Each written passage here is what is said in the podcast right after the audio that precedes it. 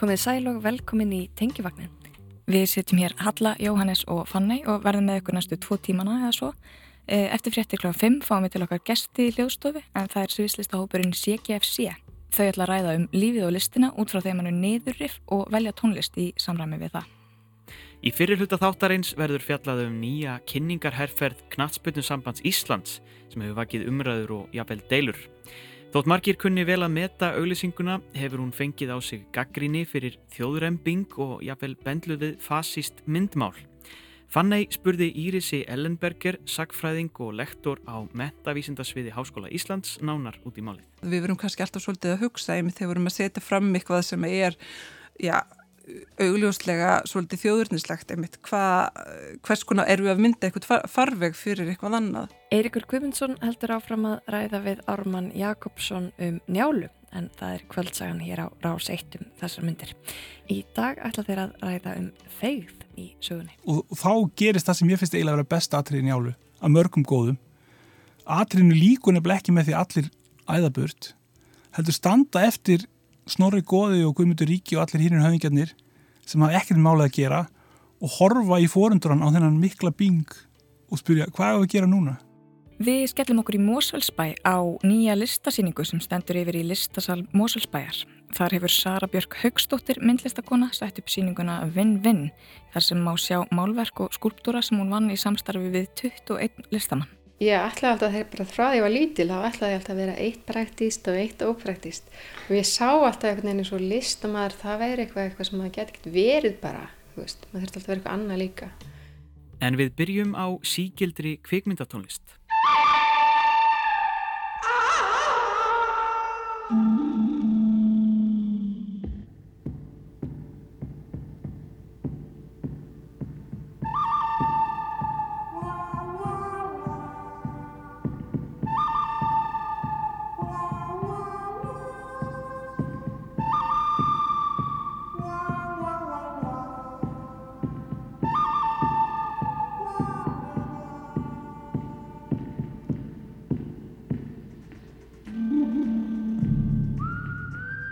Ítalska tónskaldið Ennio Morricone lest í gær á sjúkrahúsi í Rómarborg, 91 árs að aldri. Morricone samti tónlist við yfir 400 kvikmyndir og ferill hans spannaði tæp 60 ár.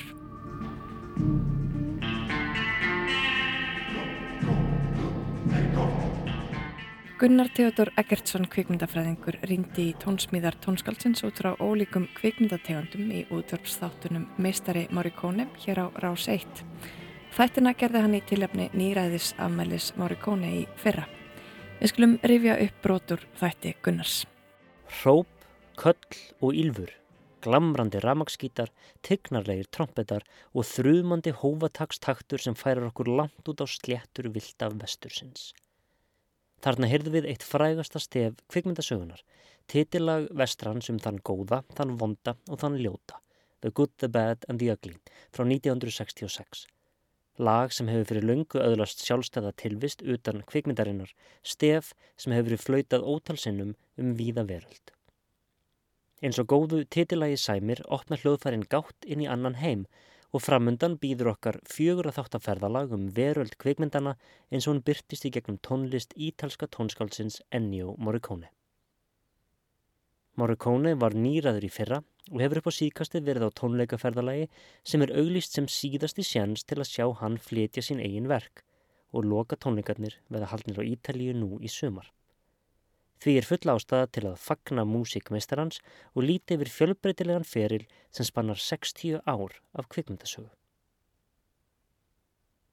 Ef ég þurft að velja mér einn tónlistarmann til að hlusta á það sem eftir væri æfinar, er þið Ennio Morricone heiglaust fyrir valinu, vegna þess að hjá honum ægir allskynst tónlist saman, frá sinfonískri klassík yfir í rock og jazz, melodíst pop og framúrstefnuleg óhljóð og oftar en ekki allt innan einnar og sömu kvikmyndarinnar. Áhrif á Morricones gætir víða og þau hafa ekki síður ratað út fyrir heim kvikmyndana því ymsu tónlistamenn hafa fengið lög hans að láni svo sem Andrea Bocelli, Celine Dion, Metallica og Mike Patton og tónlistin hans hefur verið sömpluð af Flying Lotus, Goldfrapp og Jay-Z svo fáinn dæmi síðan nefnd. En Morricone verður líklega alltaf þekktastur fyrir vestrana og því verður þessi fyrsti þáttur tilengaður vilt af vestrinu og þeirri einstökur hljóðminn sem Morricone smíðaði utanum þetta sérstæða kveikmyndaform. Sjálfur hefur hann líst yfir ákveðinni þreitu og því að vera sífælt tengdur við vestramyndir því þar eru jú í miklu minnihluta þegar litið er yfir heldarverkið en einhver stað verður við að hefja leikin og vestratnir eru ágetur uppafsreitur til að kynnast tónlistarsköpun Morricones því í músikinni má finna mörg dæmi um enginni hans sem listamanns og yfir höfuð er vestratónlistin fjölbreytilegri en hún kann að hljóma við fyrstu kynni. Hinnar svo gulluðu dollaramindir eftir ítalska leikstjóran Sergio Leone með Eastwood í aðalhuturki slói í gegn um miðjan sjönda áratugin og hrundu af stað ítölsku vestraæði sem er gerðan kent við spagetti vestran. Myndirnar voru í senn ráar og stílfarðar, ruttalegar og fallegar, kraftmiklar og sér á parti með við klassiska Hollywood vestran. Það sama má segja um tónlistina. Morricone setti saman óvenjulega hljóðfæraskipan sem gætt vart verið ólíkari tónlist bandarísku vestrana sem var sinfonísk, háfleg og kannski dálítið uppstríluð tónlist sem hæfði klassískum hetjumyndum og hendaði því alls ekki sín Leónes á vilda vestrið. Morricone kynnti til leiks suðandi ramagn, ásláttar hljóðfæri úr öllum áttum, umhverfisljóð í bland við hefbundin hljóðfæri og síðast en ekki síst mannsröttina sem fór allan skalan frá undurfögrum sópran söng yfir í öskur og íl. Útkoman var kvikmyndatónlist sem lagði áherslu á frumstæðar og viltar tilfinningar og gætti vestrana lífi og sál sem lifti myndunum upp á herra plan. Krafturinn í reyðtakti slagverksins færir hjartað á brokk, ramagna gítarspilið kallar undir eins fram bissubardaga og hróp sléttunar gera umhverfiði ljós lifandi fyrir hugarsjónum án þess að þurfa síningarvél. Áður en lengra er haldið skulum við hlusta á brot úr öðrum Leóni vestra Einu sinni var í Vilda vestrinu, Once Upon a Time in the West, frá 1968, með Charles Bronson, Claudiu Cardinali og Henry Fonda í aðhalutverkum. Munnhörpuleikur spilar mikilvægt hlutverk í söguþræðinum og tónlistin tekur virkan og mótandi þátt í frásögninni. Í þessu tiltekna atriði hefur hljóðfærinu verið tróðið upp í munnin á óviljúri sögupersonu og stefið myndast því með andardrætti hennar í gegnum munnhörpuna sem Morricone færir inn í tónlistina og bætir stöðut ofan á eftir því sem myndavélinn sínir áhörendum jamt og þétt hversu illa er komið fyrir personunni.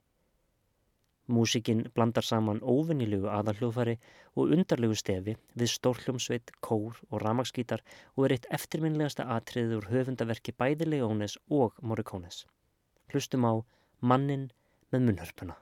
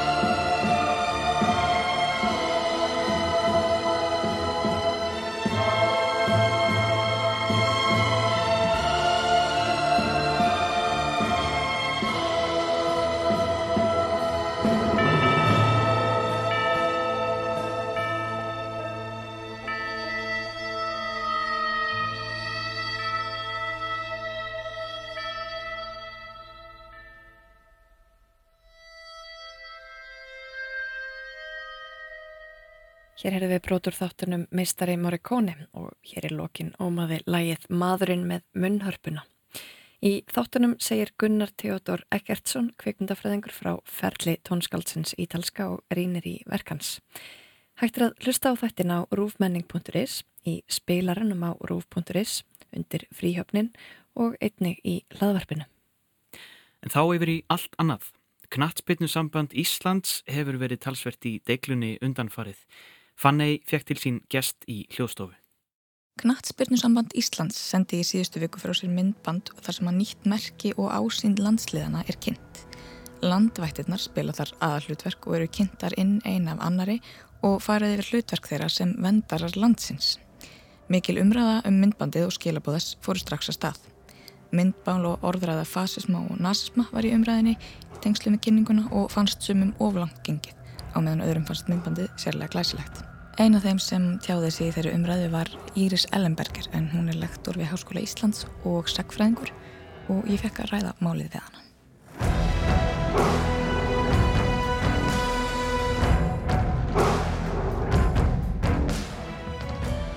Ég heiti Íris Ellenberger, ég er lektor við Háskóla Íslands og sagfræðingur Og þú ert eina af þeim sem hefur tjáðið um þetta myndband, tekið þátt í umræðum það.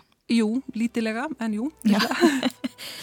eh, ég, ég tók eftir því að þú talar hérna um að eh, saga íþrótta og þjóðarnins higgjur sér samofinn. Getur aðeins sagt mér svona frá þeirri hugmynd? Um, sko, þjóðuríkið eins og við þekkjum í dag og svona þessi hugmyndum þjóðina, hún áser ekki drosa langa sögu, þótt að við kannski höldum yfirleitt annað eða okkur finnist yfirleitt annað um, kannski svona um tveggja aldasögu ef, ef svo má segja, kannski aðeins minna. Eh, og uh, svona þessi hugmyndum þjóðar íþróttir og svona þessar svona þjóðar keppnir íþróttum eh, í rauninni verða kannski svolítið til á sama tíma og hérna þessi svona hugmyndum þjóð, þjóðuríkið er að mótast um þjóðir eins og þekkjum það í dag. Og eh, hefur náttúrulega þann svona einmitt tilgang að íta und undir þjóðarstólt og gefa sérst svona, uh, svona ákveðnum svona ja, holdgerfingum þjóðarinnar uh, tækifæri til að takast á á, hérna, á svona íþrótta vettfanginum uh, og það, þá annarkvort já, íta undir stolt meðal þjóðarinnar eða kannski verðum til skammar stundum líka Uh, og þetta eru, þetta eru í rauninni, þetta eru samofin fyrir, fyrir, fyrir bara, þetta eru einhvern veginn svona tveir hliðar og sama teiningnum í, í rauninni. Þannig að það er kannski ekkert skrítið að þegar það á að einhvern veginn svona fylgja fólki í kringum uh, svona fókbólta landsliðin okkar að þá uh, svona komi svona, já, er sé komið inn á þessu orðraði, þá verður þessu orðraði svolítið ríkjandi um, og svona dansa kannski á einhverju svona, á einhverju svona línu. Um, þar sem að við kannski svona, það eru kannski skiptarskoðanur um hvað hvort að hvort að afurðun sé réttu megin eða rungum megin eins og kannski gerist í, í þessu tilfelli, tilfelli þessa myndbands. Uh, sem átt að eh, kynna nýtt merki í Íslensku landsliðina í Gnarspilnu Emmitt. Hvar hérna sko, þú talar um holdgerfing þjóðarinnar og, og svo erum við með landslið. Hvar eru, hvar liggja mörgin? Þú veist, við, það er áfram Ísland og allt þetta. Þú veist, er, felur bara hugmyndin um landslið í sér eitthvað svona þjóðrembu eða þjóðarninshyggju? Um, ég held að maður ætti alveg segja það. Og þetta er í rauninni það sem að hérna, þá náttúrulega síðustu kannski svona 40-50 áruna þá hefur sakfræðingum öðrum fræðimönnum verið uh, mjög hugleikið einmitt þjóðirnið, hvernig það var til hvernig það byrtist uh, og þar einmitt eru uh, sest, eru íþróttir þjóðar íþróttir eins og glíman og annars konar þjóðar íþróttir dregnar fram í dagsljósið. Og þeirra hlutverk skoðað og svo líka hérna og svo líka náttúrulega þessi, þessi landslið og, e, og þessar svona landakeppnir að þú þannig séu íþróttafólk að keppa e, fyrir hönd, hönd Íslands. Og það er, það er búið að rannsaka þetta í íslensku sammingi líka, hún er hafði sérlega Hafstinsdóttir sem er e, doktorsnemi í sakfræði sem að hérna, hefur rannsakað e, svona hvernig þjóðurnist higgja íþróttur og kallmennska svona tvinnast saman. Um, þannig að já, þetta, ég held að þetta sé eitthvað sem að megi alveg, alveg, alveg segja einhvern veginn þegar þú hugmyndin um landslið íþróttum fel í sér automatist einhvers konar þjóð, þjóðurnis hyggju eins og náttúrulega deilum hvort að það sé gott eða slæmt eða gúrugt. Frá örófi alda hafa fornar vættir vakað yfir landinu. Varnað óvinnum uppgöngum. Brotið innrásir á bakaftur. Nú spyr ég þig saksfræðingur mm -hmm. og ég svona hjóum það í, í þessu myndbandi að þarna er svona vísa til þess að uh, Íslandingar hafi verið svolítið að verjast gegn eitthvað svona árásum. Já, e, það, það vakti aðtekla mín líka þetta myndbandi mitt svolítið svona byrjar eins og svona eh, landkynningar, svona vennilt landkynningar myndband um, ég einmitt eh, hef rannsakað sko ímynd Íslands í heimildamindum og þar sér maður svona það, það er ímislegt sem er svona kunnulegt nema hvað kannski svona tótnin er svolítið herskóri og einmitt þessi svona hugmyndum að hérna einmitt það þurfa að, að þessi landavættir hafi verið að verja, verja, í, verja Ísland gegn einhvers konar árósum að það einmitt svona, það var einhvers svona hugrenningatengsli um mér sem að þannig fóru stað sem ég svona, hm, vissi ekki alveg hvað, hvað ég ætti að gera við. Og svo komið þessi svona íktu, þessi svona íktu mynd, myndir af af landvættunum um, sem eru í rauninni eða svona eru mjög keimlíkar uh, svona myndefni sem að sér hjá á hérna, efni frá sko svona öfuga hægri reyfingum meðal hans nordiska mótstandsrörelsen sem að hérna uh, sem að kom til Íslands hvað var ekki fyrra, fyrra það hitti fyrir að var að dreifa bæklingum uh, sem að voru með svip, svipað myndmál.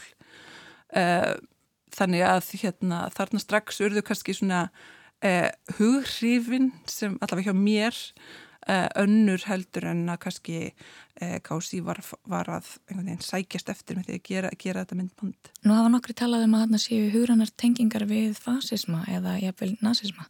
Er það gaggrinni sem á rétt á sér?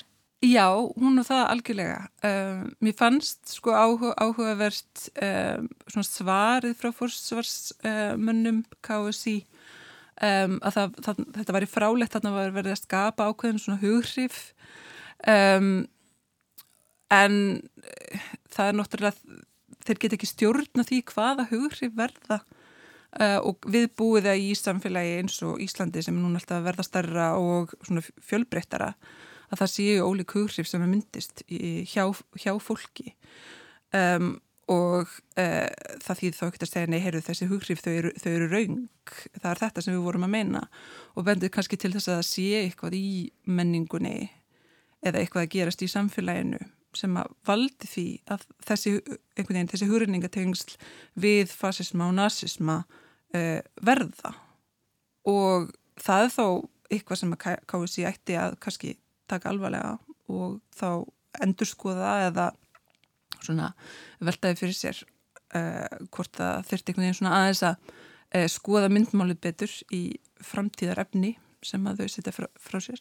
Það er náttúrulega það sem er kannski okkar hætti til þess að að gera er að svona, eh, svona líta örfgafylstu myndir þjóðurnisíkju og svona þjóðernislegar orðræðu í einangrun að hérna, það sé hinn sanna þjóðurnisíkja eða hinn sanna, sanna, sanna þjóðurömba allt annað sé svona góðlátlegt og við þurfum ekki að hafa neina ágjör á því.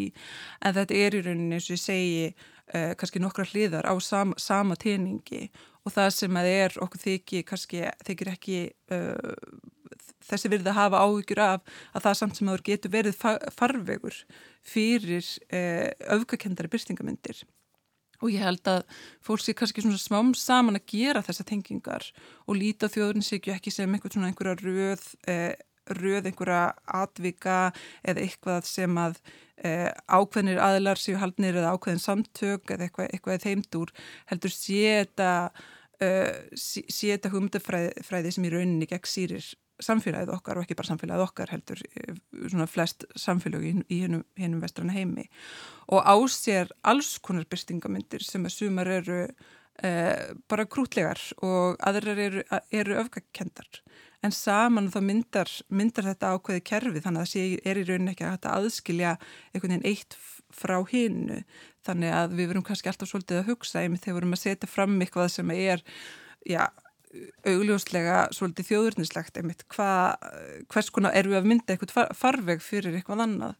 Og maður sá það líka á samfélagsmiðnum það var fólk sem að hérna, sem að spratt upp sko, myndbandin til varnar sko, á þeim fórsendum að e, jú, það væri vissulega nazista blæti í þessu myndbandi en það væri bara gott.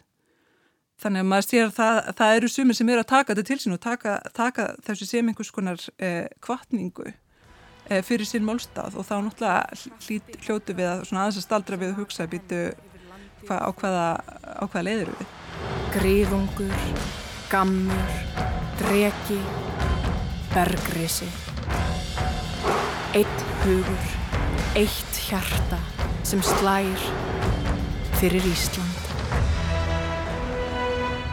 Nú hafa margir hinum megin við borðið sagt sko það er mikilvægt að við finnum til þjóðastolts og við getum verið svona einhver held og, og fundið til, til stolt að því að vera Íslandingar mm -hmm. Erstu sammálað þessu? Ég veit það ekki Það er náttúrulega mikilvægt að held ég að finna til já, hafa einhvers konar sjálfsátt álit að finna til stolt en ég veit ekki hvort að það sé endilega eitthvað mikilvægur að finna til þjóðarstolt seldur en stolt yfir, yfir einhverju öðru um Þannig að hérna, ég veit ekki hvort að ég sé endilega saman á því að það sé, það sé mjög mikilvægt. En sko til að skapa stolt að þá það er kannski óþarfi að, að kannski svona fara alla þessa leið að vera að dadra við eitthvað fasíst myndmál eða, uh, eða einhvers konar þjóðrömbu. Það er hægt að skapa, skapa stolt á. Eh, það er náttúrulega eh, sko hátíður um víða, heim, víða um heim sem að einmitt kenna sig einmitt við stolt, prætgöngur og præt hátíður.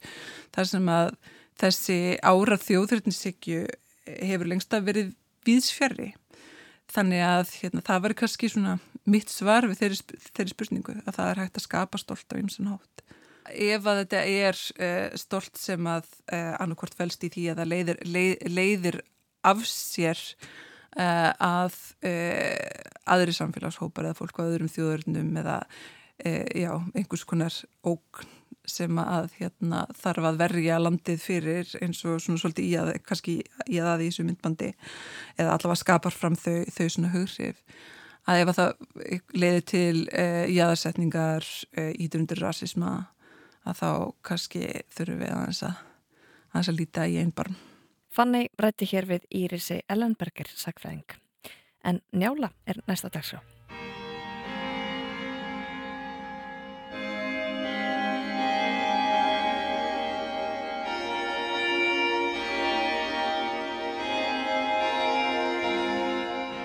Já, Ármann Jakobsson, hann les eh, kvöldsöguna Brennu Njálssögum hér eh, á Rás 1 og eh, já, ímislegt hefur gert og Ármann kominn langt inn í söguna, velkomin Ármann í njálu spjall og uh, já, nú ætlum við að fara á dýpið og uh, snú okkur að fegðinni. Já, eftir um, Vík Höskuldar, Kvítanskoð, þá breytir sagan mjög mikið.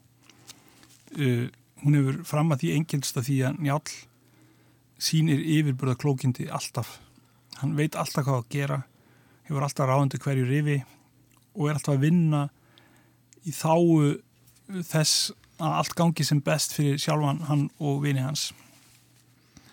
En, en uh, eftir Vík Höskundar þá í raun og veru er svolítið evi um hvort hann sé í raun og veru vilji lifa. Og það, þá gerir hann ímis afglöp að því að verðist og tekur ekki réttar ákvarðanir. Þannig að það má velta fyrir sér vill hann lifa þegar svona langt er komið inn í inn í, inn í söguna. Og það er náttúrulega vegna þess að höskuldur uppalega tekur hann höskuld í fóstur til þess að koma veg fyrir hemd og það er mjög snjall þessi höskuldar tælingans þegar hann kemur og heimsækir drengin fyrst lætur hann að fyrst þetta hann gera þetta í tveim skrefum. Fyrst hann að færa hann drengin frá mömmusunni til Ketils í mörg og svo kemur hann í heimsókn til Ketil sem er tengt að svona hans og þar fer hann að rappa við drengin og býður hann um að loku fóstur. Og þetta er eflaust fyrst og næst gert þess að koma veg fyrir að njálsinir vegi í sama knýrun eins og og Gunnar hafi gert. Og higgindir, svo er eins og tilfinningar að taka völdin honum. Hann fer í raun og vera að að leggja meiri ást á höskuld en síni sína. Og það er nú reyndar enginni á njáli að ymsir aðrir er í meiri metum hjá honum en sínir hans það er nú fyrsta lagi Gunnar og Hlýðaranda auðvitað. Og svo er það höskuldur og það er líka Þórhallur Áskrimsson fósturna sem hann kennir lög. Þannig að hann verður mest í lögmaður Íslands að njáli gengnum. Og hann hefði auðvitað geta kent svona sínum hann líka en gera það ekki. Og kannski eru þeir bara ekki mjög efnilegir. En að minnstakosti velur hann ekki að, að gera þá að artökum sínum að þessu leiti og hann lætur stopna góðorð fyrir höskuld en ekki fyrir síni sína þannig að það má segja að hann sé pínulítið að, að svona að búa til vandamál með því hvernig hann lætur aðra þessa fóstur síni sína njóta hafa forgang yfir, yfir sínina þannig að, þannig að uh, höskuldur er nummer eitt og hann vinnur fyrir hann alveg stöðugt. Gengur svo langt að hann efni til ófriðar á alþingi bara til þess að ekki sé hægt að leysa málinn með venjulegum aðferðum og þá þarf að stofna fymtadóm og svo þegar búið að stofna fymtadóm þá þurfa nýju góðorð og þá segir hann, en hvað með höskuld fóstra minn? Þetta er svona, þetta er í kalla spilling í dag Já, politíka Harðsvíriðustu gerð Enga vina væðing og já. ég veit ekki hvað. Þannig að höskuldur fær hann að góðorð og það er hlaðið undir hann. Og síðan er hann veginn. Og það er líka þess vegna sem róur marðar virkar.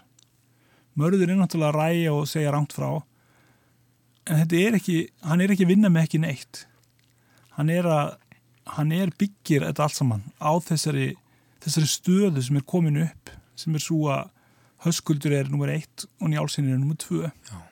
þannig að það er unnur jarðvegurinn sem hann sáir í mm -hmm. og svo þegar það tekst og höskuldur er, er, er veginn þá er njálf bara hágrátandi og segir að hann hefði held vilja að missa alla síni síni eða nokkra frekar en höskuld einn mm. Og þá mögðu þetta að spyrja sig hver er lífsviljin hjá honum Já. á þessu punkti? Og það er í því samhengi sem um, sættirnar, það verður að skoða sættirnar á alþingi. Þannig að það er, þeir ganga nú til búðar njálsinir og það er virkilega slær skarpinn í gegn. Þegar hann eis fúkrið með alla höfðingi Íslands og uh, rýs bæði hátt og látt einhvern veginn. Hann eðilegur allt fyrir þeim en um leið sínir hann að hann er ekki hrættu við neitt og hann kann sko að svara fyrir sig. Og samt sem áður þá takast sættir og njál beiti sér fyrir því að því að veriðist og það er sapnað saman óheimju miklu fjö og það er komið, það er komið allir peningar sem þarf að halda. Og þá setur njál slæður á haugin og bóta sem er einhvers konar stígvél það verður aldrei nokkuð maður útskýrt hvað þessi stígvél átt að tákna. Mm -hmm. og ég er heldur ekkit viss um það. Nei. ef njál hefði þekkt Nancy Sinatra þá hefði nokkuð kannski farið einhvers óklun í þessu. En, en, hana, These boots are made for walking. Já, and they're gonna walk framvegis. all over you. En hann þekkti hann ekki þannig að það þarf að finna einhverju aðra skýring á því. Mm -hmm. en slæðurnar þær valda miklum usla. Því að flósist ég er slæðurnar og hann gerir það sem í nútímanum myndi heita að fríka út hann bara þólir ekki að sjá þessar slæður. Og það er alveg óskilvægt af hverju því að Egil Skallagræs rátti slæður og hafði engar ágjörðu því. En fyrir flosa eru þessar slæður einhvers konar aðdróttun um að hans sé kettling. Já, brúður svínfells árs er það ekki? Já, þannig endar það. Já. en svo flosi hefur ekki taugar til að þóla þessar slæður. Nei. þannig að hann byrjar að, í staðin fyrir að bara láta sem ekkit sé, alltaf góður kostur og þeia skinsanlega þá byrjar hann að veifa slæðunum um og spyrja hver hafi gefið slæðunar og enginn svarar. Njál er hann og hann er ekki hirtnalus en hann svarar yngu hann situr bara og þeir þó að það ættum að vera alveg ljóst hvað gerist ef hann þeir þannig að hann njál hjálpar ekki til í þessu atriði.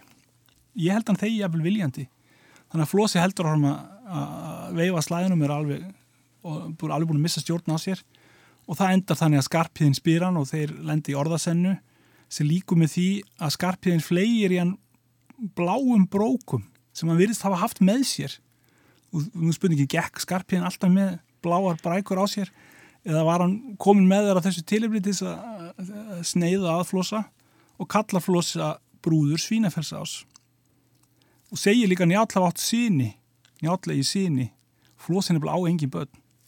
Og það er nú kannski ástæðan fyrir óöryggi hans og honum er ekki tekist að verða fadir þannig að Skarpinn segir þú þarf þessa brækur. Og Flósi segir af hverju? Þeir er alltaf spurja þegar þeir hefðu betur þagað. Og þá segir hann þú ert brúður svínafells ás eins og sagt er. Þannig að hann segir það eru allir að tala um það að þú sett brúður svínafells ás nýjundu hverja nótt og gera hann því að konu, þetta er nú einn skýrt og það verður. Mm -hmm. og Flósi auðvitað villengar sættir eftir þetta. Og þeir æða allir burt. Og, og þá gerist það sem ég finnst eiginlega að vera besta atriðin í álu að mörgum góðum. Atriðinu líkun er ekki með því allir æða burt heldur standa eftir Snorri Góði og Guðmundur Ríki og allir hínir höfingjarnir sem hafa ekkert málið að gera og horfa í fórundran á þennan mikla bing og spyrja hvað er að gera núna? Og þetta finnst mér nú eitt fyndnast atriði. Já, alveg ráðalösir Já, og segja hvað er að gera? Og það enda með því að þeir ákveð bara geima fíð og nota það næsta ár. Já. og þetta er, þetta er húmor sem njáluhöfundur einn ræður yfir. Já. þetta ljúka atriðinu ekki á því augljósa þegar aðpersonur farnar heldur leif okkur að fylgjast aðeins með aukapersonum og hvað finnst þeim um þetta og hvað er í óskupunum eiga vestlings aukapersonur að gera þegar allt er uh, þeir búið að sjóða upp úr. Já, hér þykir vænt um aukapersonunar Arman, en uh, sko það er magnaðu þetta hvernig um, hvernig þetta magnast uh, einhvern veginn allt smám saman upp og fegðin einhvern veginn Jú. kemur nærmanni og nærmanni og þegar maður er komin inn í þennan hluta sögunar að þá veit maður að það er eitthvað hræður að fara að gerast. Já, og ekki hjálpa nú til þegar hildiglúmur hérna Ímsir höfundur nú bara vikið sér beint í brennuna en við fáum að fylgjast með hildiglúmi sem er bara einhver unglingur í héræðinu og hann sér ægilega sín mann á hesti, bygg svartan og, og, það er eldur og hann líður yfir veslinstrengin og svo þegar hann loksins vaknar þá er hann fengið til að segja Hjalta Skeggja sinni hvað hann hafi séð. Og þá segir Hjalti Skeggjason þú hefur séð gandreið og það er það jafnar fyrir stórt tíðendum og þetta finnst mér líka nokkuð gott átriði vegna þess að þetta skýrir ekki neitt. Hann bara nefnir, hann segir þetta er gandreið en það er engin skýring í þessu. Þetta, það, mér finnst Hjalti Skeggja sem vera alvöru spekingur, mm -hmm. hann myndi sennilega vinni í háskólanum núna, mm -hmm. sem spekingarnir hjálpa mann eiginlega aldrei neitt, þeir segja bara eitthvað. Þeir bara nefni, koma einhvern nöfn og, og, og síðan er njál farin að sjá alls konar dulafullar sínir og Bergþóra er komin farin að sjá sínir og Sæjun Kettling er farin að sjá sínir og lemur hann í arvasátuna skarpiðin hlæpar öllu saman því hann er stikk frýr og svo gerist það í lokin njál nefnilega, þetta með slæðunar er ekki einu mystikinn sem njál gerir. Í fyrsta lagi að gefa slæðunar og öðrulega þeia þegar spurt hver hafi gefið slæðunar heldur vill að núna lappa, ganga inn í húsið?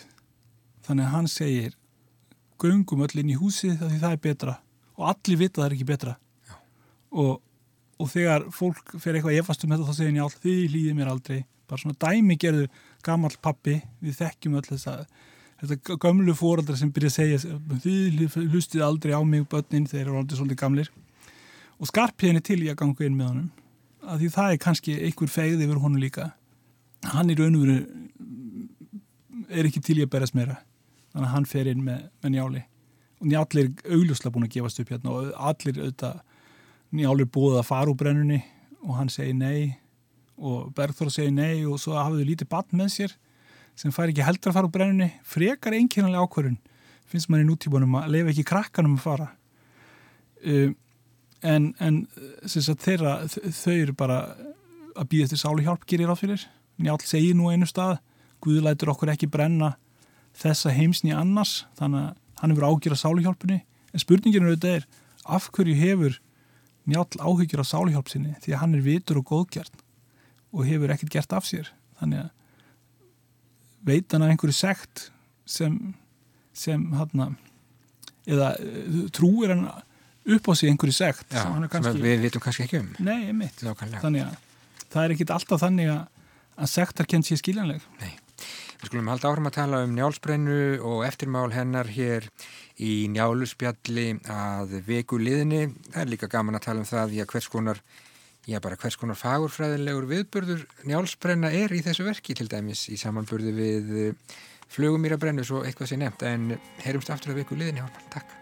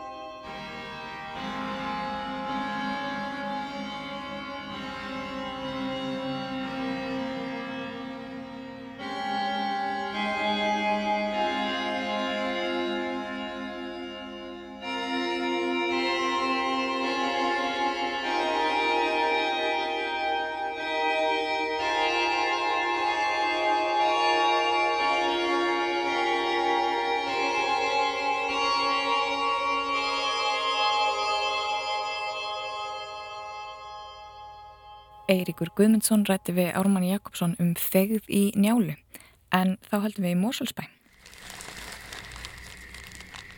Skal bara má gera svona. Svo, yes.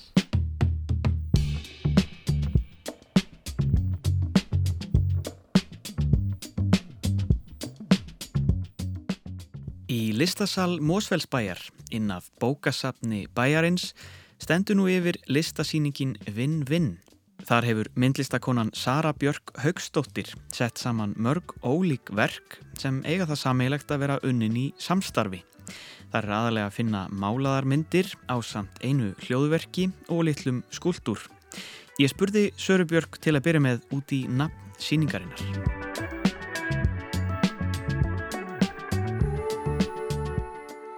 Já, ég veit samt alveg ekki hvort kom fyrst sko nafnið eða ákvörðun um hvað mig langaði að gera. Því ég- mig langaði svo til að vinna með öðrum og hérna gera ykkur svona samvinnuverk. En hérna svo þegar ég fór að pæla náttúrulega meira í samvinnunni, uh, hvað félst í henni og, og tala nú ekki um þegar ég fór að vinna með allir fólki, uh, þá sá ég betur og betur bara kostina við samvinnu. Og hvað maður græðir mikið á henni og eiginlega báðir aðalar græða yfirleitt á samvinnu. Og að samaskapi fór ég náttúrulega pæli hérna því sem er fyrst á móti sem er samkeppninni og hvað hvað það hefur mikil áhrif á okkur bara uh, líka listamenn. Ég las grein fyrir einhverjum uh, tveimur árum eða eitthvað um sem sagt hvernig samkeppni hefur neikvæð áhrif á listamenn því að það er einhver aðri sem græða á henni ekki listamennina sjálfur fann ekki eftir þessa grein en þetta hefur alltaf sitið í mér. Og hérna og bara í samfélaginu almennt veist, hérna þessi alltaf svona keppast að því að fara í betri, betra starfi eða hérna vera vinsalli á Instagram eða eitthvað. Og hérna kannski gleymist eitthvað annað sem er mikilvægra á, á, á meðan sko. Dreifð nákvæmni, naflaskoðun utan landsteinana, álafoss á kvolvi og tónar sem sjást orð sem heyrast. Þetta er brot af nöfnum þeirra 23 verka sem príða síninguna Vinn-Vinn. Sara Björk segir verkin endurspegla ólíka nálgun, hvert verk er samtal þar sem tveir skapandi hugar mætast eitthvað staðar í miðjunni. Sko ég hérna lagði upp með það mjög fljótlega að ég var, þetta var algjörlega svona opið til að byrja með hvernig ég ætlaði að gera þetta, ég var, vissi ekkert hvað ég var að fara út í og svo er ég náttúrulega að vinna með svo ólíku fólki og ég ákvað bara að mæta öllum þar sem að þeir eru í þeirra list, einhvern veginn hann að ef einhver vinnur móli þá ætlaði ég bara að vinna móli, einhver er mínimalisti þá ætlaði ég að gera það. Og þess vegna eru verkin líka svona ólík. Ég, hérna, og svo annað að ég þurfti að taka það ákveðin á þessi síninga snúast um mig. Þannig að ég sjáist í hverju verki og þessi sjáist að ég hafi endilega komið að þessu öllu eða á, á síningina snúast bara um listina um hvert verk fyrir sig. Uh, ég upplýði það að það var óvart bara málað yfir allt sem ég hefði gert. Og stelpan alveg með því sem bara hún hefði þurska málinguna burt og, og svo var þotni og frætt og eitthvað svona. Mm. og ég hugsa bara, herði, þetta er stórglæslega verk. Ég þarf ekki að hérna, ég, ég þarf ekki að sjást svona rosalega vel í öllum verkunum. Af hverju ætti ég að fara að mála og hana flott verk? Það gengur upp og við erum báða búin að vinna í þessu Vist, þannig að en, svo, svo þegar maður fyrir að setja þetta saman þá kemur samt einhver svona tótt bara út frá okkur einhvern veginn bara, við erum alltaf flest eða bara öll fyrir eitthvað svona ungi myndlistu menn Stærsti hluti verkana var unnin í vor á fordæmalösum tímum heimsfaraldurs, á tímum samkomubans og samskipta fjarlæðar. Það hafði sannarlega mótandi áhrif á sköpunarferlið. Ég var að hugsa, ef ekki hefði verið fyrir samkomubanni þá hefði verið glæða kannski mála þetta bara svona alltaf samhliða, hlið við hlið, en að því að við máttum ekki hittast að þá þurfti ég að fara með verkin, skilja þau eftir fyrir utan hurðina eða þá var töluðum svona saman í fjalla. Þannig að fólk fekk að hafa verkin inni á sér og hugsa hvað það vildi gera og svona það var svona hafði náttúrulega áhrif á útkomuna sko mm. að þetta bann var Þannig að það er rauninni hluti af verkinu. Hvernig, hvernig var staðið að samininni? Akkurat, það sést það lítur að sjást á verkunum. Já. Hvernig er þá tilfinningin að svona þessu er frestað auðlítið og svo hérna síningunni þar að segja. Mm -hmm. og svo loksins uh, má sína þetta. Hvernig var tilfinningin að loksins afhjúpa þessi verk bara ótrúlega góð og bara ég var svo svo glöð að sjá þau öll saman sjá þau komið upp loksins eftir þú veist eins og segir síningunni fresta og nátt að vera þarna þegar allt var lokað og og svo hann flýta aftur að því að hérna, smita var árið minna veist, þannig að veist, þetta átti ekki að vera alls ekki og er engin COVID-síning en þú veist bara út af þessu hvernig allt var þú veist þá, hef, þá er, er þetta óvart pínu einhvern veginn innvíkla í síningana Í síningarýminu miðju standa tvö máluð plaströr eins og kavbáta sjónukar upp úr gólfinu. Þeir eru beintengdir við náttúruna, segir Sara Björk, en það er Katrín Björk Gunnarsdóttir unnuverkið saman. Úr þeim ómar náttúru djást Mósfellsbæjar, Álafoss. Okkur Katrín er sem að gera verki, okkur langaði svo að taka náttúruna inn í salin, af því að salurinn er mjög svona fallegur og það er fallegur gluggi sem sýnir náttúruna og það, náttúrun kemur líka einhvern veginn fram í mörgum verkana og okkur langaði til að hafa einhvers konar hljóð, hún vinnur mikið með hljóð og okkur dætti að huga að hafa foss og ákveðum að, að, að hérna, hafa álafoss af því að það er fossin í Mosó. Og svo þegar við erum búin að setja hann inn í rör þá, þá heyrum við hvernig, hvernig hann hljómar þegar það er búin að klæða náttúruna í plast. Búkstölega Þá er það svona Það kemur pínu svona röra tilfinning. Já. Hérna. það fyrir að leiða hljóðið frá Álafossi og alla leiðina hingað. Já, það er margir krakkar held að þetta séu rörbar sem koma bara upp úr jörðinni. En hér er þetta að heyra í Álafossin Sarbjörg, þú ert, þú ert hámentuð þú ert ekki bara uh, í, í myndlistinni, þú ert uh, mentuð, mentuð í, í hjúkunarfræði og, og löffræði, ekki satt? Hvernig, hvernig Hvernig kom listsköpun inn í, inn í lífið? Ég, ég hef alltaf verið svona listakrakki einhvern veginn. Og ég ætlaði alltaf bara frá því að ég var lítil þá ætlaði ég alltaf að vera eitt praktíst og eitt ópraktíst og ég sá alltaf einhvern veginn eins og listamæður það væri eitthvað, eitthvað sem geti ekkert verið bara veist, maður þurfti alltaf að vera eitthvað annað líka. Og þú veist en svo bara hendur svo þegar ákvæði að ég er ljósmaður ég er hjúgrunræðingur og ljósmaður, ég ákvaði að fara í hjúgrun út af því að maður þarf að taka það fyrir áður maður fyrir ljósmaðurfræði ja, ja. uh, hérna, og ég ákvaði semst að fara í ljósmaðurfræði eftir að ég var ung móðir og, hérna, og fekk bara einhvern veginn svona köllun að fara í ljósmaðurfræði en svo var ég líka einstamáður og þá var hérna svo ó, bara hendut fyrir mig að vera í vaktavinnu þannig að þá hvað ég fyrir lögfræðina og ætlaði mér alltaf að fara í einhvers konar mannréttinda vinnu eða eitthvað þannig. Svo ég nýjútskrifu úr lögfræðinni. Þá flytjum við fjölskyldan til hérna Svíþjóðar og ég sótti um vinnu sem ljósmaður og, og fekk ekki, ekki strax og ákvaði það að skrá mig í líðháskóla í Svíþjóð sem var svona lista líðháskóla og ákvaði að gera eitthvað svona skemmtilegt fyrir sig alveg, ég var að rýfa mig upp úr mínu líf og mínu ferli og eitthvað svona og skellt mér inn að líðháskóla og þá var það eiginlega bara ekkert aftur snúið. Og svo líka þegar ég útskólaði á líðháskólanum þá stótt ég aftur um vinnu á spítalunum og, og þær gátt ekki svara mér fyrir nefn x dag og ég þurfti að svara skólanu sem ég komst inn í og sem er bara mjög flottur skóli í Svíðu og hérna þannig að ég bara svona lífið tók þess að ákveðin fyrir mig að hérna ég var búin að skrá mig í skólan þegar það er alltaf ráð mig í vinnu og ég sagði bara sorry, ég er að fara inn á listaskóla. Og svo bara hefur þetta haldið áfram. Ég fór í svo ell á ég þegar ég kom heim. Þannig að það sé ekki þetta því. Mér finnst ég, hérna, ástæðan fyrir því fóriljósmöfræði var, hérna, en mér fannst svo mikilvægt að konan fengi, að fórildranir fengi bara góða hjálp eftir fæðinguna til að þið tengdust batnu vel og svona. Og hérna, mér fannst þess að ég fengi bara stærsta gimstinni sem ég hef átt í hendunar og ég kunni ekki að skipta á hann eða ég kunni ekki að setja hann á brjóst og ég kunni bara, hvað minn almatur, þessi kona er bara heilug sem er að kenna mér þetta hérna. Mm.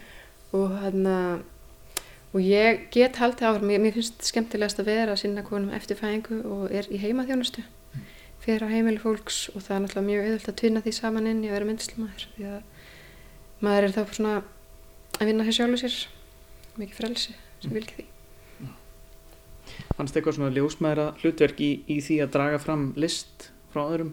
Þetta var, það var einhver sem að líkti því að setja upp síningu sem að hérna, erfiða fæðingu. Svo þegar henni komin upp þá bara að maður er komið banni í fangi og það er alveg bara besta hérna, samlík sem ég já, þetta var alveg, veist, þetta maður er að díla við sko 23, nei 21 einstakling fyrir ekki mm. og hérna, jafn ólíkar eru margir og maður, hérna, maður hörst að beiti um svona töfurum og svona tryggsum og, og kannski, hérna, já sérstaklega kannski út af þessum kvíða að hérna, vera hvetjandi og allt í lagi, saman hvað gerist og allt þetta þannig að kannski, því ég ást ekki með maður, maður hérna, býra allir reynslun alltaf sem maður hefur sko. mm. það er ekki spurning En nú eru þessi listaverk öll komin í heiminn og yeah. þau má sjá á í listasal Móses Bæjar Sara Björk Högstóttir eh, til hamingi með síningun aftur, vinn-vinn og gangið vel í, með myndlist og, og allt það sem hún tekur fyrir hendur. Takk kjalla fyrir.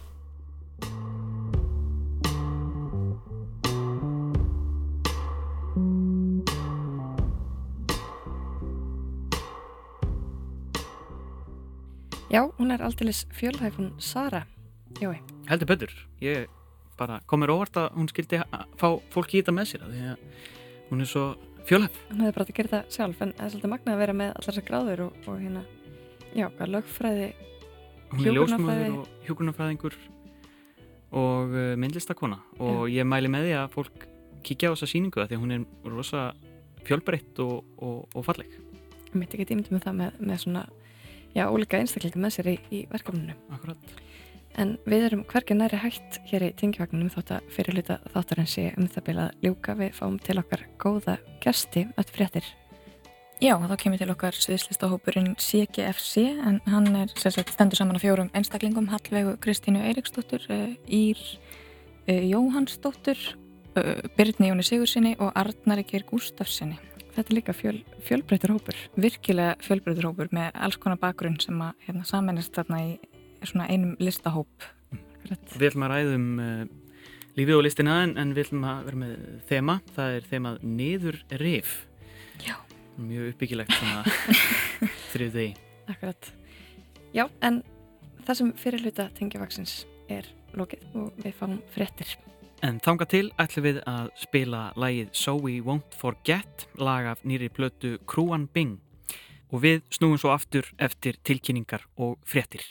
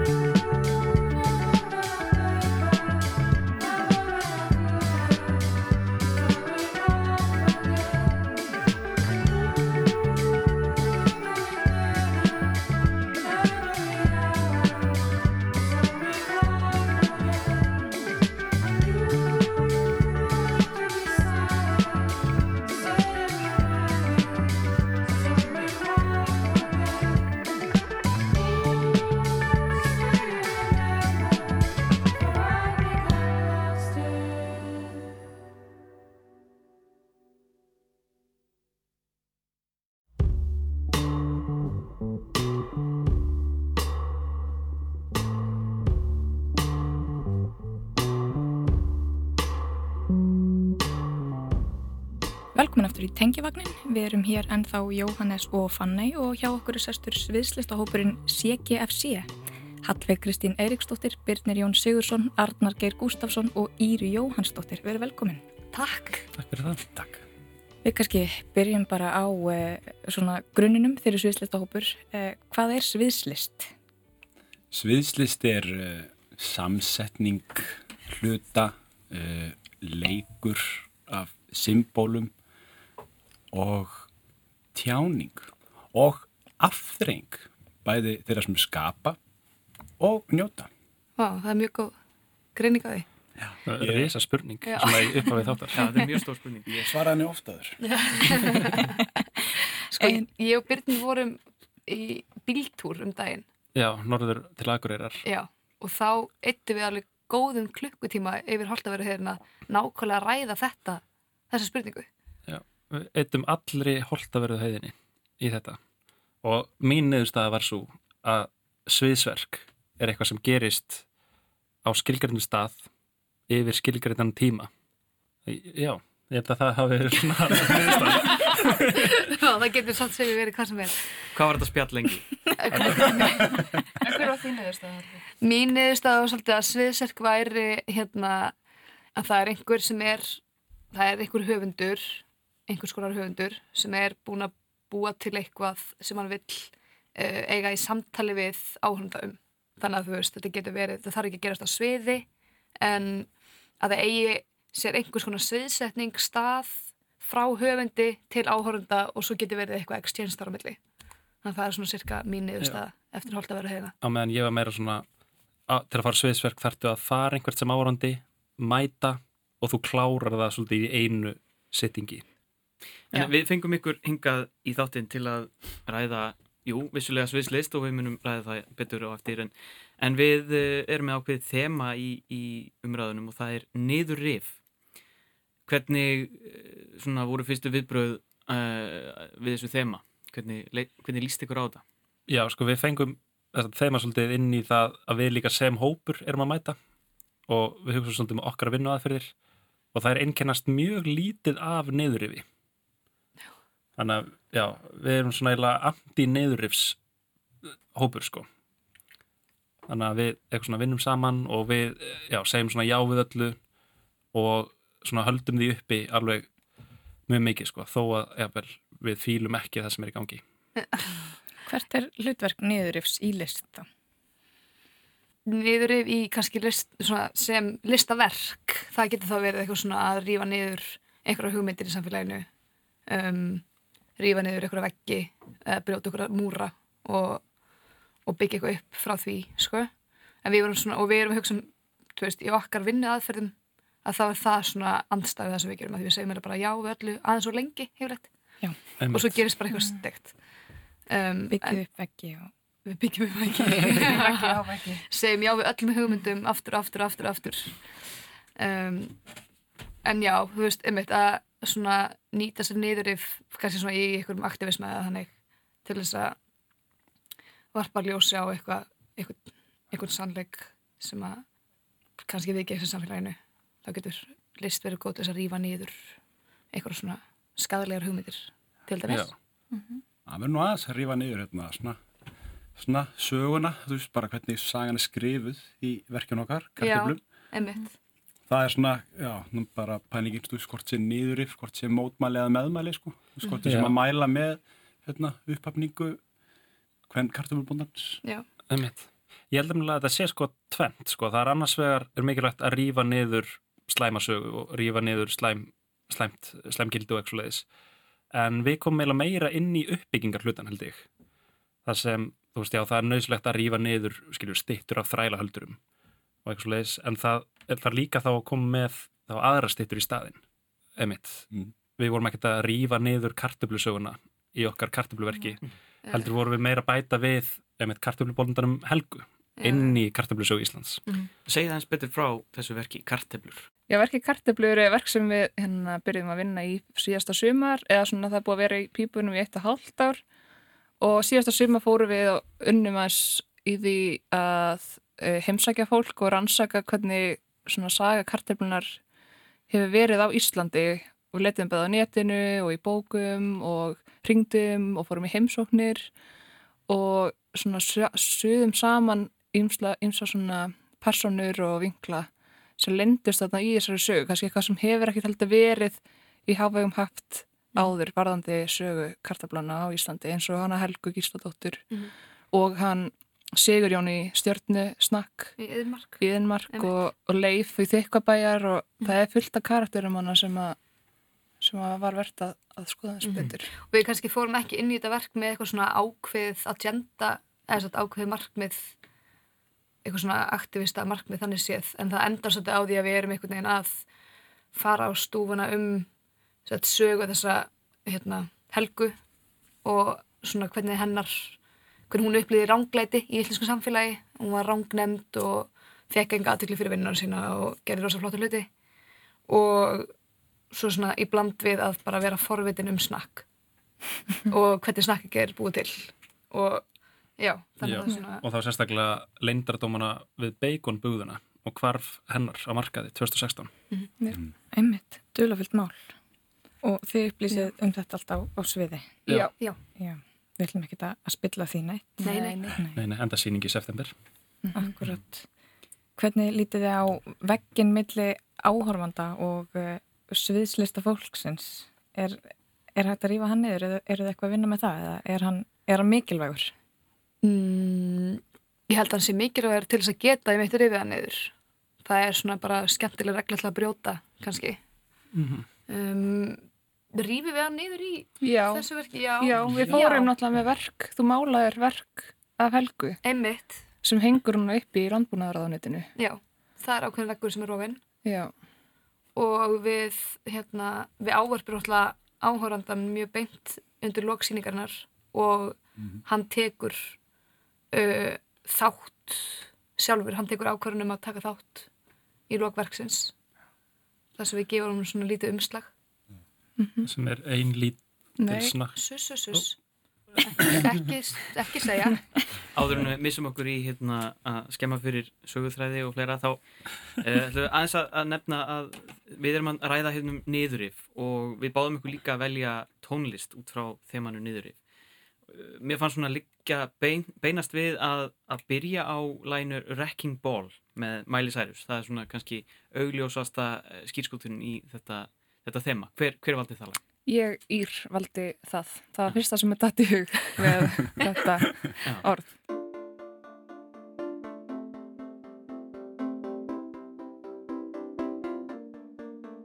We clawed, we chained our hearts in vain We jumped, never asking why We kissed, I fell under your spell of love you ever say I just walked away. I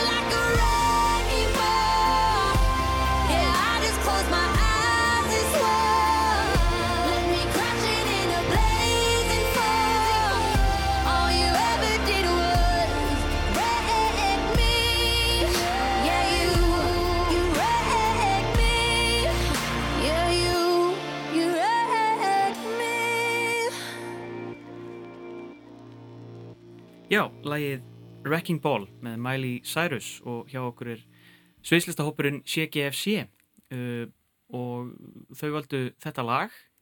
Um, við erum að ræðum niðurrif ír, segðu okkur aðeins betur frá þessu, þessu lagi og þessu vali. Já, ég valdi þetta lag út frá niðurífi en það fjallar það bara svo eitthvað spottan a- um það. Niðurrif skúlan já, bara líka ef maður hugsa um myndbandið og hann á hann að kúlinni braut hún ekki vekk líka eða eitthvað, já. Jú, hún brýtur Já. veggi, hún situr á Mjög langt sinni sá þetta myndband en hún situr nakin á risastóri Já. kúlu og brýtur bara allt í já, kringu sig bara neglu lag og, og bara representar, já, Mhm. niðurif, svo vel. En Og- er hún ekki í þessu lagi, þá er hún að fjalla um sambandi sitt Jú. og er að tala um sjálfa sig sem ákveðna niðurrifskúlu. Um, hann reif hana niður og hún hann og hún líka. Hann, já. Já. Um, niðurrífandi samband þar. Já. En sen er einhver svona tókn í þessu þannig að maður líður svo, hún segja átt að segja á því einhvern veginn og hún er að eitthvað svona keira í gegn og Já. bara viðkenna þetta, hún mun stígu upp úr öskunni. Já. Mér líður þannig allavega. Já. Þau komum bæði illa fram með hvort annað. Já. Uh, nú er tíminn til þess að hætta þessu niðurrif og byggja upp á nýtt. Já, eins og Siggi af Sigjurir. Það er mitt. Akkurat. Komum tíma að tala um upp. kartuflubóndan. Þetta myndband var nú hérna svolítið umræðinni á sínum tíma. Fólki, fólki stóð hreinlega ekki á sama. Nei. Já, við vorum að ræða á þann að þetta er svona eitt af þessum lögum sem er velmetið en samt vannmetið. Já. Ég held að það sé svolítið sko að því að myndbandi tók svolítið fókusinn. Það voru allir Já. að ræða þetta myndband, allir að ræða hvort þetta Mhm. myndband væri eitthvað Já. glatað eða geggjað. En svo náttúrulega líka kom hún sko með það að hún var, sagt, hún gaf út yfirlýsingum og hún var að vísa í myndbandið frá Sinead O'Connor í hérna Nothing Compares, þar sem er svona eitt skot af henni bara að syngja og Sinead O'Connor bara hafnaði því Já. af því að Mm. hérna henni fannst þetta myndband vera svo ódýrt og hún gaf mæli ráð um að láta nú ekki kalla hana í bransanum gappa sig út í eitthvað svona vittlesu Einmitt. að eitthvað svona láta gappa sig að vera nakin á okkur kúlu og Mm. að það væri nú bara að vera að nota hana ungu stelpuna, því hún var náttúrulega bara 24 ára þegar hún gaf út þetta laga eða eitthvað þannig að það var svona, já niðurrifandi komment kannski fyrir mæli Jú, Jú, áhugavert. en ef þú vil eitthvað eitthvað í því Já, en maður spyrir sér líka hvaða vald hún hefur til þess að- að hafna því bara einhver verði fyrir þessum áhrifum. já, það er svona hún allavega gerði það Ég áreindar smá erfitt með að sjá líkindin á milli sko. á myndbandana Já, Þetta er að því að myndbandana mæli byrja líka á svona einu skoti þar sem hún er, þú veist já fyrstir að minn. fyrstur að minn er það, já og þá Og sko, sér kemur restin. já, síðan kemur rest þar sem hún er á kúlu Einmitt. Er eitthvað svona, að þið sem sviðslistahópur, er þið eitthvað að vinna með vídeogerð og, og uh, svona í ykkar, ykkar verkum? Já, ég held að uppáhaldsvídeóin mín sem við höfum gert eru hérna auglýsingamindböndin okkar Já. fyrir síningar Já. Já. sem við hefum ekki gert í langan tíma. Já. Svona ultra amateur, Já. green screen, uh, tíu sekundna. Súpa. Já. Já. Já. Fyrir hvaða verk var það? Það fyrir verki headliner. Já, við höfum gert það fyrir flest verkinu okkar nema kartiblur, sko. Uh, eitt fyrir Headliner sem var 2017 og hitt var fyrir að þátt var Brilliant a Fantastic Performance uh, Henrik s- Já, sem kom út 2016 Mm. en þá hefur við verið að gera svona einhver, einhver myndbönd sem að ratin okkur Já, sem voru tekin upp uh, í kjallara fóreldra minna Mhm. uh, með svona lítið green screen tjald og tvöljós og síðan er allt eitt sett inn í svona Já, eftir á. en reglan er líka að það er bara ein upptaka. Það er bara einu upptaka, Já. síðan er sett inn kannski í samhengi Joe and the Juice og síðan, þú veist, þá leikur kannski Arnar alla barþjónana eða, eða samlokugerðamennina til að mynda til að mynda. Já. En það er náttúrulega mikill munur á þessu að, að vera með myndband af ykkur en síðan list sem að er að, í augnablikinu og einhver er að horfa á það. Hvernig, hvar liggja mörkin hann á milli? Svona í ykkar, ykkar starfi. Hver, Mm. mm. Þurfið að breyta miklu í svona, hvernig þið hugsið starfsemi hópsins þegar þið gerið ykkur svona vídeo? Ég held sko það að hafa alltaf bara eina tökku það færi mann svolítið nærði þessar tilfinningur sem maður hefur í sviðslist, live sviðslist þar sem að þú getur ekki gert mistök og það sést allt sem þú gerir Mhm. þannig ég held að það sé svona það heldur svolítið í það element sko Mm. mm, en við, erum þú veist, við erum með svolítið bakgrunn líka í eins og Írar textilhannur og þú veist, Arnar hefur verið í myndlist og félagsvæði og þannig að við erum svolítið að leita líka í eitthvað svona aðeins meira myndlistar formstundum sko Mhm. um, þannig að við höfum líka verið eitthvað að gera tilhörna með stop motion Já. og Mhm. eitthvað svona garnpulsur svona Mhm. prjónaðar pulsur frá Íri uh, Við gerum við tónlistavídeó Haldur Eldjón Já, það er rétt Einmitt. sem er óutkomið Já, En þannig að þið eru ekki endilega leiklistahópur. Lítið á ykkur sem leikara. Alls ekki. alls ekki sko Alls, alls ekki Nei, uh, Nei, Við stöndum svið. Já, við stöndum á sviði og gerum hluti oft en við erum ekki beint að tólka neitt við erum ekki að fara í sama ferli og leikari fer í sem er að koma sér inn í karakter og, og vinna bara einhverja þannig vinnu við erum meira svona að við viljum að einhverju hlutir gerist á sviði og svo framkvæmum við það en uh, við erum ekki mikið að svona bregða okkur í alvarlega eiginlega hlutverk þannig sko Já. Já. En hver eru þá mörkin milli, já, bara þeirra hlutverka sem við erum, setjum okkur í á hverjum degi, í hverstasleikanum? Hvernig, hvernig eru mörkin þarna? Þau eru fá sko og það er svona eitt af því sem að svona já, liggur mér á hjarta mér finnst þau alveg vera nær engin sko ég er bakgrunn í félagsfræði og, og þarna var svo stór hrifun af þarna Irving Goffman sem að tala um þetta Presentation of Self in Everyday Life svona, sviðsetning sjálfsins í hverstagslífinu og það er eitt af því sem að ég er svona hrifnastur af er hvað þetta er bara nákvæmlega sama Og hvernig lítur hann á, á þetta, þetta samspil? Þetta er, þetta er allt bara sami hluturinn í raun? Já, eða- já. hann tekur einmitt hérna, dramatúrgjuna og hérna, líkir þessu við, við leikhús og ræðir einmitt mikið um hérna, sviðsmyndir þú veist að við, hérna, við, við hegðum okkur eins og sviðsmyndin ætlast til á okkur þú ferði í fermingavislu og, og hagaðar ákveðið þú ferði náttúrulega í búning hérna, ferði í hérna, jakkaföttin og, eða, eða kjólinn hérna, og, og, og talar ákveðin máta en svo eh, ertu allt í einu komin veist hvað er allt annað, komin út á fótboltavöll sem er raunur bara gras sko. Það er ekki fótboltavöllur. Komin í einhvern annan búning og hafa heiðar alltaf öðruvísi og það er aðrar leikreglur sko. Vistu, þetta er svona ekstrím dæmi en svo er allt þetta minna en á milli sko. Og já, mér er einhvern veginn líka þú spurur hvort við værum leikara sko eða lítum á okkur sjálf eins og leikara þá myndi ég segja bara alls ekki sko. Þetta er bara svona eitt af já, eitt, Miklu víðara, já, víðari skilgrinning á, á, á bara listamanni Já. sem, að, sem vil svo til að fer á svið. í raun og Já, þannig sko. að einu munurinn er raun bara þetta nýja, þú veist, eins og fótbolltuvöllur eða fermingveisla, þá eru bara núna í aðstæðunum svið Mm. og það hefur bara allt annað dæmi Já. og þá les fólk mann allt eitthvað, já þau eru að sviði og það er svo gaman að leika sér með það Mhm. Með þessa væntingar sviðsins þú veist, þú ert á sviði og einmitt með hennan hérna, samband áhorfenda og hérna og, uh, og leikara þú veist, þegar þú kemur inn og sest í stólinn og það er allt dimmt og svo kemur blackout og Mhm. svo koma ljós og þá þú býst við ákveðnum hlutum sko. Já. það er rosa gaman að brjóta þessar vendingar það er og snúa á þær og gera Já. eitthvað Og rífa þær niður. rífa þær niður og bara snúa þeim bara ykkur alltaf átt sko. Og líka sér mæta þeim og eins og það er atrið í sýninguna þess að við komum bara inn í svona klassískum leikhúsbúningum Já. án, þú veist, án þess að það sé búin að vera forsendan fyrir í verkinu Mhm. Já. og sem er það er mjög skemmtilegt Það og áhundu finnst það mjög gaman Skýrskútin í hefðina. já, Já. já. Einmitt. En við skulum heyra annað lag sem þið völduð. Það uh, er annað lagið af tveimur með hljómsdynni Keflavík. Uh, það er lagið Lefum alltaf Keflavíkur nætur. Hver, hver valdi það? Það var ég. Já. Arnar Kjær. Þú segja eitthvað frá þessu lagi, þá erum við að heyra það. Já, þetta er hérna grand final hérna í trílökiu Keflavík uh, sem var gefið út hérna í kringum 2015-16. Þetta eru að mínu mati bara einu, já, eða hann, Ármann og einn okkar fremsti listamæður bara í sögu okkar lands og þjóðar. Mm. Stór orð Lifum alltaf keflavíkunætur Við skulum hlusta á Keflavík.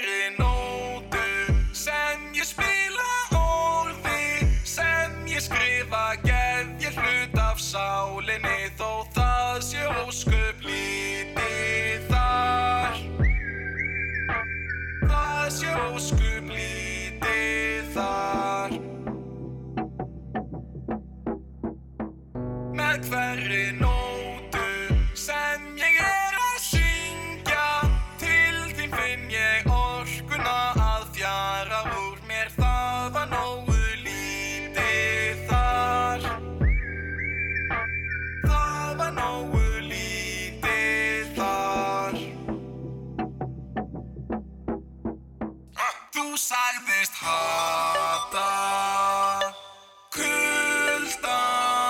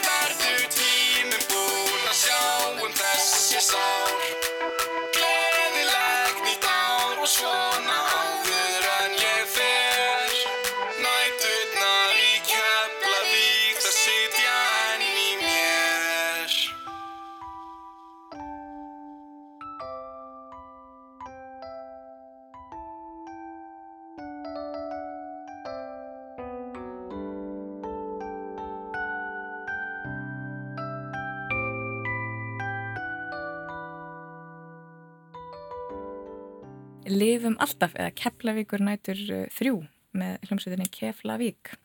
Uh, Keflavíkur nætur, tengið þið við þetta lag, Arnar? Já, Já, alveg hrikalega, já. á hvaða hátt? Bara þessi trílogía, sko, þetta er, já, það sem ég tengdi mest við, við þetta orð nýðurif, Einmitt, einhvers konar. á hvaða fósendum? Þetta er þessi svona þessi sálræni vítarhingur sem maður getur farið í þegar maður er, er í drullupollinum sko. og það er, það er hlýtt í drullupollinum eins og móðinu mín hefur alltaf sagt sko. en það er svo óhald að vera þar til Já. lengri tíma en, en já ég held að nú eigi sér eigi sér margir svona tímabili í lífinu kannski eða einhvern svona einhver svona djöfla og drísla svo við vittum nú bara beint í, í Keflavík sko Einmitt, þetta er svona sorgarlag, algjört algjört. Hvað segir þið hinn? Tengið þið við þetta? Já, sko, ég hugsa líka bara ef eitthvað, eitthvað svona íslensk plata eða tónsmíðar ættu að skila að verða að einhvers konar óperu á Íslandi þá væri það Keflavík að þessar fyrstu þrjár plötur sem hljómsdyn gefur út þú veist, þetta er bara ein saga og þetta lag sem við vorum að hlusta núna er raun loka punkturinn á þessari sögun sem er einhvern svona saga af strák sem er í algjöru rugli og er í einhverju mjög slæmu sambandi og þessar síðustu þriði plötu þá er hann, hún er farin úr sambandinu og hann er að ímynda sér alla plötuna hvað hún segir og hvað hann er að gera og gera upp eitthvað svona og sér þannig að þessi síðasti kapli í læginu sem við vorum að hlusta á það er fyrsta skipti sem við heyrum í henni sko þetta er alveg ótrúlegt ótrúlegur skaldskapur Já. Já. Hún talar um að hann hafi eðilagt sig og eitthvað. Já, það hafi ekkert verið eitthvað að hann er að líka lýsa sér svo eitthvað svo fallega en þetta var ekkert, eða svona, eða ekki fallega en svona hún meira eitthvað, þetta var ekki þetta er bara búið. Já. eða svona bara heyra um er. Þannig að þarna kannski er eitthvað mörg rofin milli svona tónlistar og, og, og hvað, sögu sagnar eða er, er, þetta, er þetta meira frásögn eða tónlist eða hvort tengið þið meira við? Man, þú veist, þetta er bara bæði sko bara íslenska sagnarlistin já, algjörlega. Við tegum undir um Byrni þetta ætti nú að gera óperu úr þessu sko. Þetta er rosalega efni og bara hrikalega hrikalega vel skrifað. Bæði tónlistin og, og, og textarnir sko. En nú er þetta annað af tveimur lögum með Keflavík. Er, er, er það eitthvað svona sem þið tengið sérstaklega við þetta þema, niðurif, sem við erum að ræða? algjörlega, bara, já algjörlega Fjallar ekki eiginlega bara öll tónlist Keflavík um einhvers konar niðurif bara hvert einasta lag Jú. er í rauninni bara algjörlega bara miðað út frá því þeima einhvern veginn. Já, alltaf þeir eru bæði líka með hérna upptúrana sko. Uh, ung og sexy til dæmis. Það sem er, er mikið stuð en það er einmitt þetta, þetta stuð sem að skapar niður yfir sko. Það er svona, já, alltaf svo eitthvað, mjölangkólia í þessu stuði sem þeir eru það er mikið. já. Já. Þetta er algjör algjör melankolía sko Einmitt, já, það er einhvern veginn alltaf meðvitund um þessa meðalkóli Mhm. og að þetta sé í alvöru niðurif þó að þetta sé partí sko. sem er kannski smá anstætt við mikið poptónlist í dag sem er raun bara upphefja partíð, upphefja djamið og stemminguna en kemur einhvern veginn ekki inn á niðurif sem getur fyllt í sko.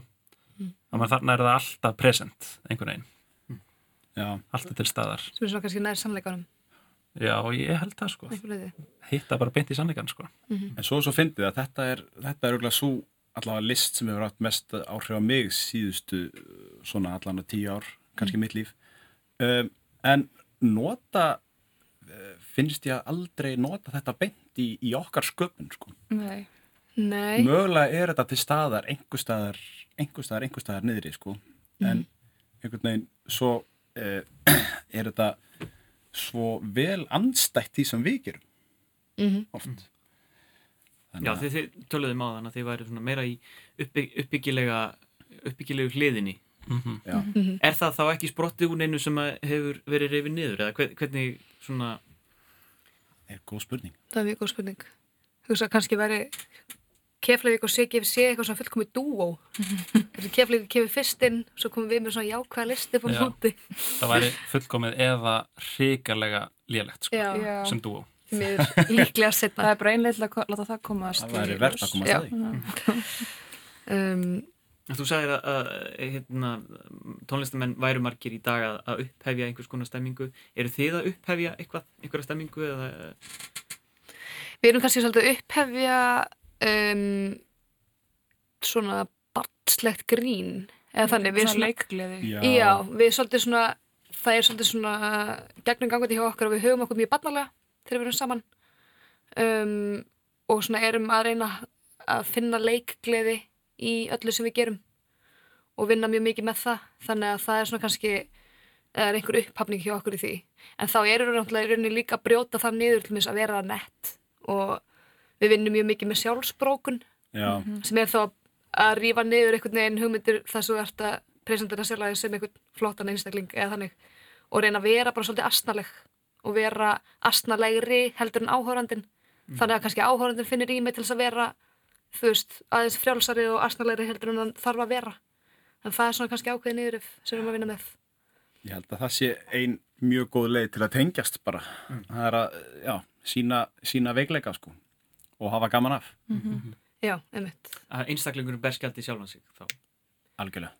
Já. Já, eða við erum bara, setjum okkur alltaf í lærri status einhvern veginn árandin. Þú veist, já, við erum alltaf einhvern skonar smá fíbl eitthvað. Já. En er, er þetta eitthvað tvent sem tengist? Hérna, barnaskapurinn eða, eða barnalegheitinn og, og, og leikur? Af Því þetta er náttúrulega eitthvað sem að tengist strax börn náttúrulega læra á lífið í rauninni í gegnum leik Mhm. og, og samskipti, læra samskipti við hvert annað og er, það- er það ástæðan? Eða Sko- er þetta eitthvað svona, er þetta eitthvað leitað eitthvað svona frum sköpun?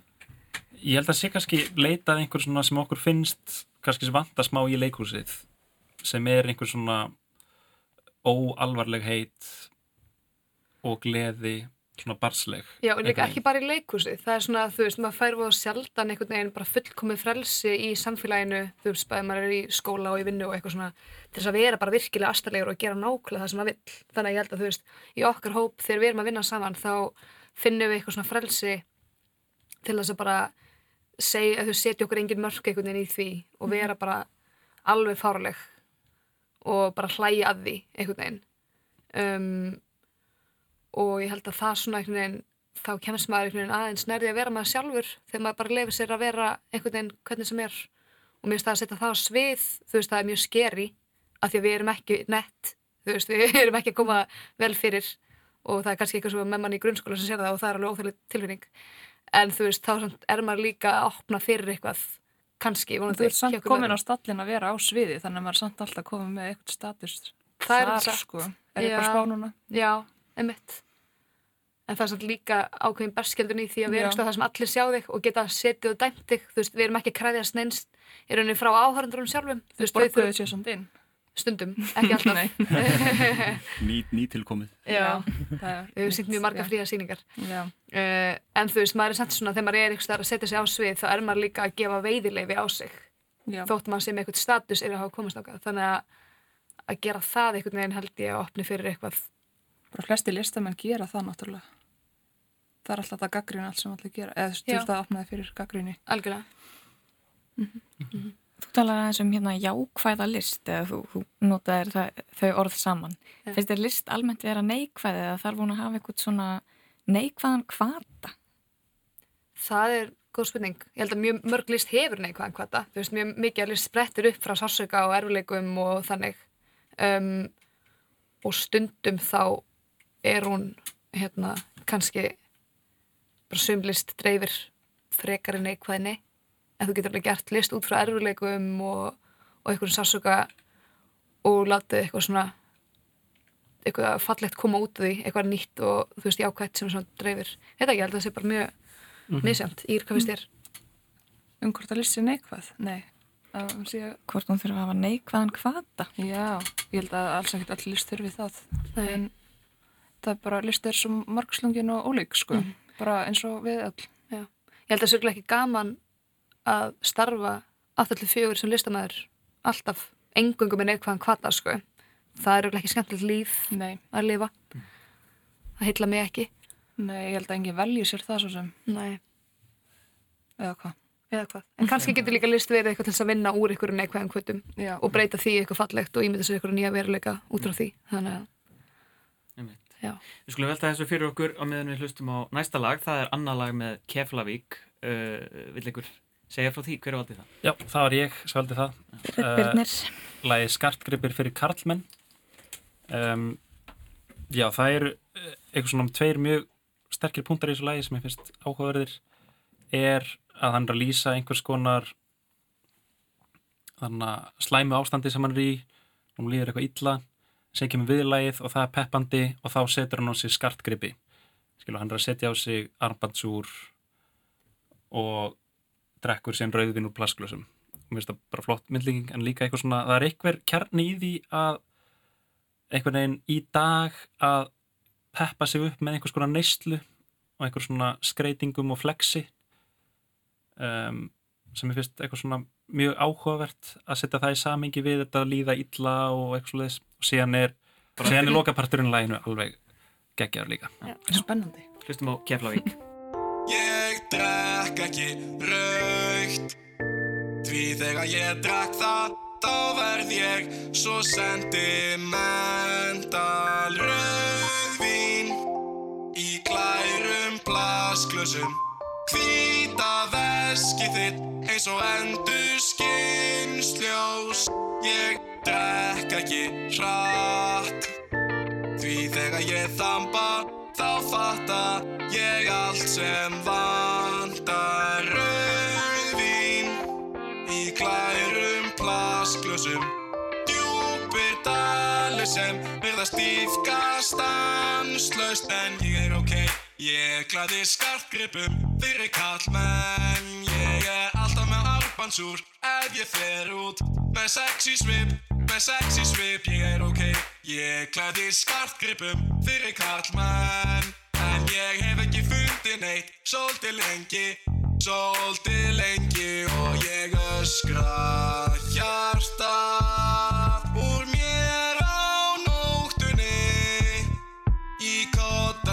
sagði við mig hleyftu því út Það finna allir sásauka og líka þú.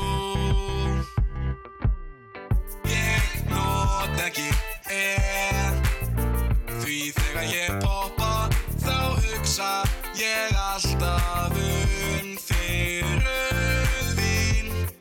Í glærum plasklösum Rúmið hreistist rætt millir sopana Ég drekk ekki einn.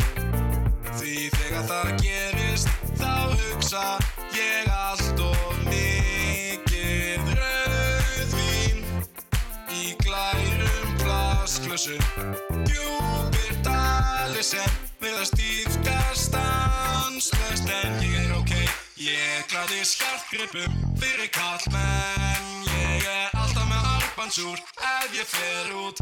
Með sexy svip, með sexy svip Ég er ok, ég glæði skartgripum fyrir kallmenn En ég hef ekki fundið neitt Svolítið lengi, svolítið lengi. Og ég öskra hjartað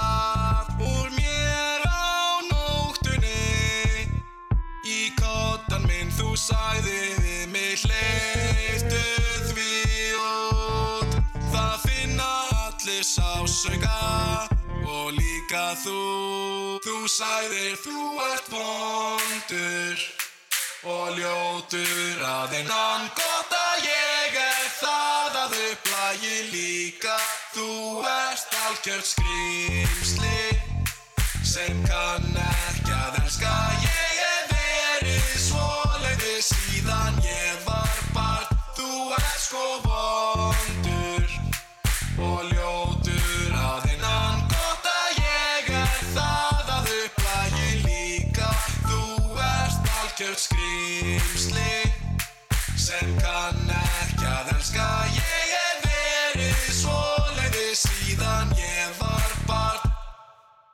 Við setjum hér enn að ræða við sviðslutahópin CGFC. Birnir, þú valdir þetta lag Skartgripir fyrir Karlmenn, Djúpir Dalir Mhm. með hljómsveitinni Keflavík. Þetta er annar lagi sem við fáum að heyra með þessari ágætu hljómsveit. Hva, hvað er það sem gerist þannig endan, segir þú? Þú talaðir aðeins um hann fyrir lagið. Já, einmitt. þessi lokakabli þá er hann að rifja upp einmitt samtal sem hann átti við uh, þessa kærustu sína sem hann átti slæmu sambandi við og við heyrum svona þau eitthvað svona rífast á sitt og hvað í textanum og þú veist þetta er algjört niður yfir eitthvað, hún er að segja að hann sé vondur og ljótur að innan og hann segir já gott að ég er það að upplægi eitthvað að ég verið svona síðan ég var barn og gengst einhvern veginn við því að hann sé bara ljótur og er að rífa sig niður og greinlega alltaf að hugsa um þetta aftur og aftur það mér finnst að tengjast vel inn í þema þáttarins Einmitt. E, það er minnst þarna að kemur fram frá þess að þú kannt ekki að elska eða eitthvað á þá leið. mm -hmm. Það var nú svolítið verið í umræðinni svona, svona skadaleg karlmannska undarfarið. Minnst þetta svona svolítið tengjast því. Hvað segir þú um það, Birnir? Já, 100% mér finnst bara Keflavík bara með þessum sérstaklega þessum þremur plötum einhvern veginn ná bara að pota í miðjuna á skadalegri karlmennsku taka ör og bara hitta beint í rauðamerkið í miðjunni uh, og einhvern veginn hvernig þetta er vera að sínast vera að halda bara áfram keira áfram, vera síðan kannski reyður á móti setja á sig skarkripi sexy svip. Þetta fer einhvern veginn bara beint í það sko. Í þessum skaluðu karlmennsku Einmitt.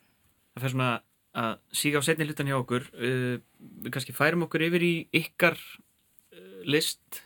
Uh, hvað er svona framöndan hjá CGFC Við erum nú þegar búin að gera eitt verk og, uh, og sína það. Þetta verk sem við gerðum eftir kartöflur. En uh, við eigum en þá eftir að sína síningin verður uh, ákveðið dokumentasjón af þeirri síningu sem átt sér stað. Já, það sá hann enginn segð. Hvaða síning er það? Um, við getum í raun og veru ekki ekki tjáð okkur meira um það að þessu. Það er svo stætti Þetta er mjög órætt og, og dölafullt Þetta var þá að leggja mellir hluta. Þeir settu upp síningu sem enginn sá og þeir getið ekki rætt. Það, það má rauninu velta fyrir sér hvort það hafi verið síðsverk hvort það hafi gerst yfir höfuð. En við tókum nokkra myndir Já, við tókum, smá, tókum hérna dokumenterið um það og vonum við getum bara sínt það einhvern tíman þegar við getum. Sko ég myndi taka, gera undatækningu fyrir þetta sem sviðsverk Já. Þetta var bara magnað.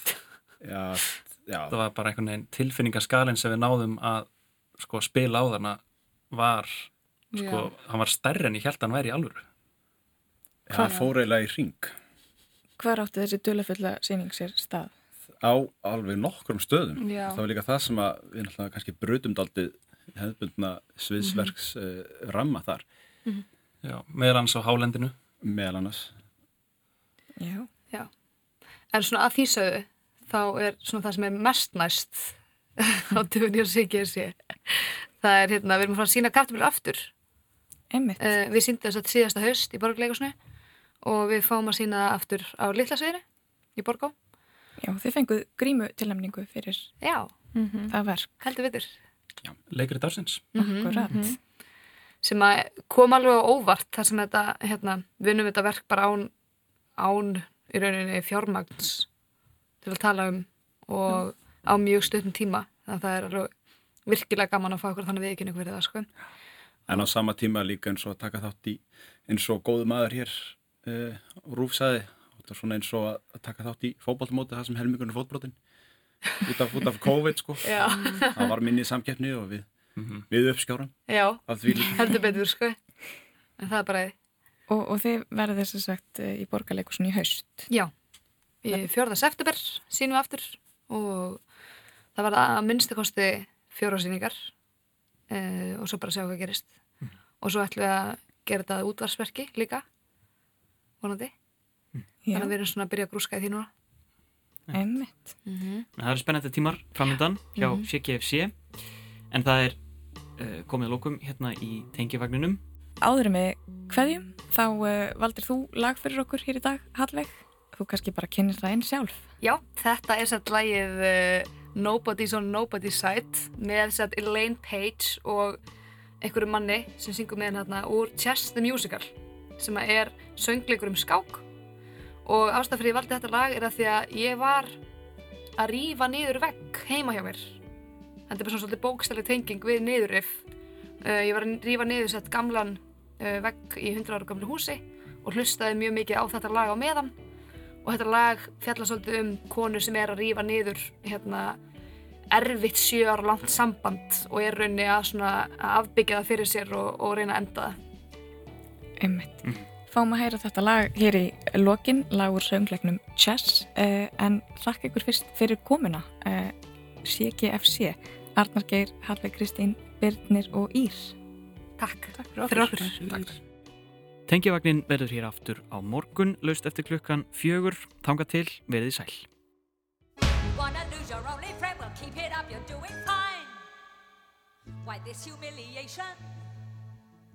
Why treat me like a fool?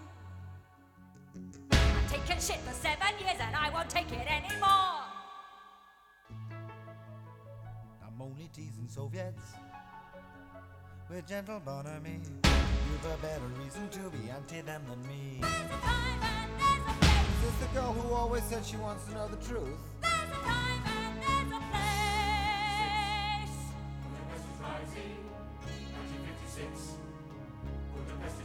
I'd have thought you'd support any attack on these people. On the people who ran mindlessly over your childhood. Don't let them fool you. For 30 years on, they're the same.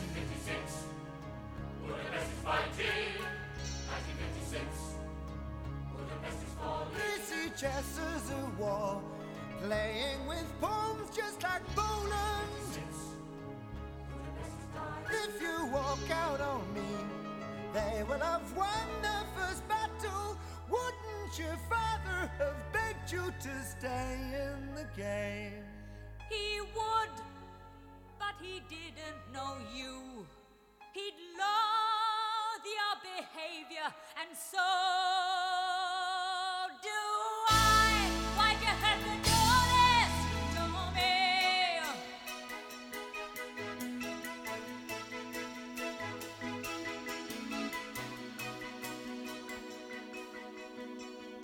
What's going on around me is barely making sense.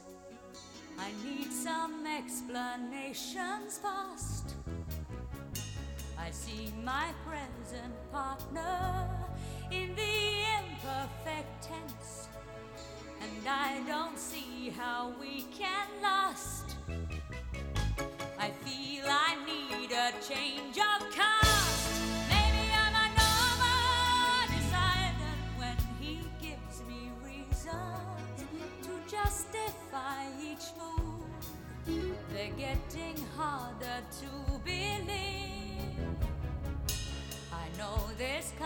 continue. I've still a lot to prove. There must be more I could achieve.